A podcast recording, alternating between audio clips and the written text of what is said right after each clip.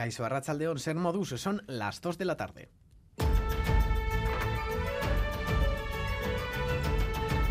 Crónica de Euskadi con Lier Puente.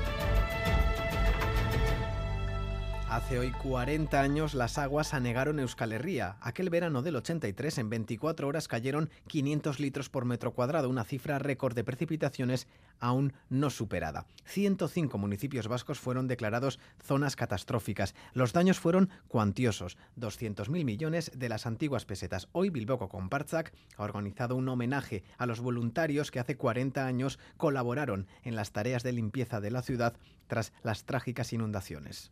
Eh, celebrar y homenajear a las personas que estuvieron trabajando, porque consideramos que lo importante es eso, el trabajo que hizo la gente eh, que se unió eh, bueno, pues para superar esa, esa, tragedia. Gracias al trabajo común es como se sacan las cosas adelante. ¿no? El homenaje que vamos a hacer pues, a toda la solidaridad que tuvo todo el pueblo, es que se volcaron desde gente mayor, pequeños, se había que hacer algo y ahí estuvimos.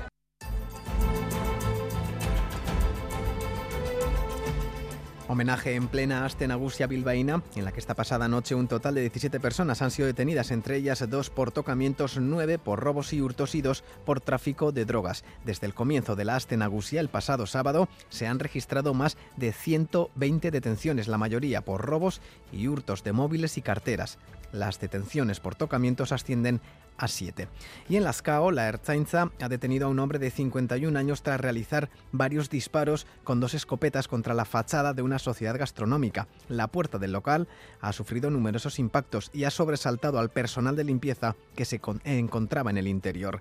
El arrestado ya había tenido con anterioridad algún altercado en esta sociedad. Kepa Zubiarrain, alcalde de Lascao. La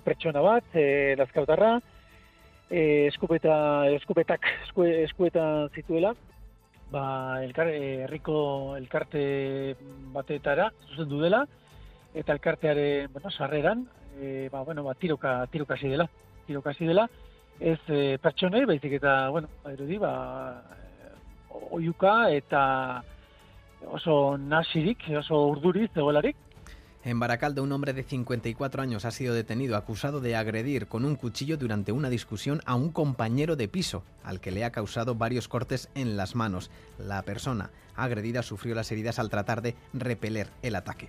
Y tras la no dimisión de Luis Rubiales ayer, hoy comienzan a activarse los resortes necesarios para que nos siga liderando la Federación Española de Fútbol. El Consejo Superior de Deportes ha formulado ya una petición razonada al Tribunal Administrativo del Deporte por una posible vulneración de la ley del deporte y la disciplina deportiva, infracciones que considera muy graves y que posibilitan una suspensión cautelar del dirigente, haciendo referencia a los abusos de autoridad y dignidad y el decoro deportivo. Miquel Iceta, ministro de Deporte en funciones.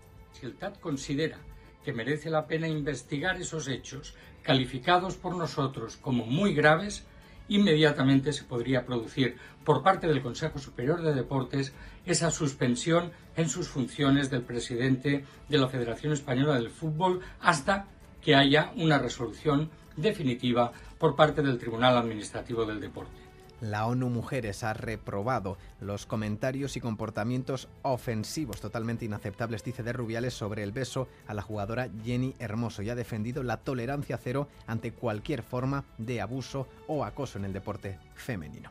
Más noticias deportivas con John Zubieta, Rachaldeón. Hola, Rachaldeón. Recordamos antes que nada que la Real Sociedad desperdició la primera parte en Las Palmas y apenas sacó un empate a cero en un mal encuentro en el que debutó Zarcayen. Además, Osasuna y Athletic se centran en sus encuentros de mañana ante el Valencia y el Betis, mientras que el Alavés se prepara para el choque del lunes ante el Getafe, con la buena noticia de que va a disponer de un nuevo jugador, un nuevo delantero, es Samu Morodión, cedido por el Atlético de Madrid. En cuanto al caso de Rubiales, lo ya he comentado. Y en cuanto a Darío Brizuela, hay que decir que debutará dentro de poco más de una hora en el Mundial de Baloncesto con la selección española. Será a partir de las tres y media ante Costa de Marfil. Además, el Bilbao Basket juega su primer amistoso esta tarde ante el Palencia en Laredo. En ciclismo, destacamos el inicio de la Vuelta a España con una contrarreloj por equipos en Barcelona. Vingegaard, Roglic, Ebenepul, Tomás, Ayuso, Landa, Lazcano se citan en una prueba con un gran cartel. En remo, Ondarra, Ondarra, Ondarro perdón, acoge esta tarde una nueva bandera que puede suponer un espaldarazo para Urdaibai en vísperas de la cita de la Concha. También les hablamos de piragüismo porque Íñigo Peña ha logrado el oro en K2000 en compañía de Pedro Vázquez en los campeonatos del mundo que se disputan en Duisburgo y que son clasificatorios para los Juegos Olímpicos de París. Y en golf, John Ram reacciona para situarse en la quinta posición del torneo de Atlanta. Está a cuatro golpes de los líderes Howland y Morikawa.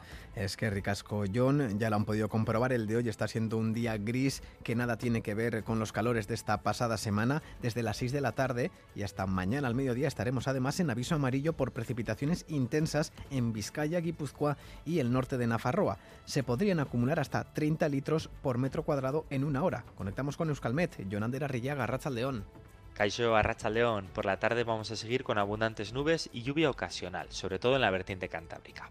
Hacia el anochecer el tiempo va a empeorar, con chaparrones más frecuentes y que van a caer con más intensidad, sin descartar además tormentas. Hacia el sur también nos llegarán algunos chubascos. Las temperaturas se subirán como mucho hasta unos 20-22 grados en el norte, localmente algo más en el sur, pero con un viento del norte molesto que va a acentuar la sensación de fresco.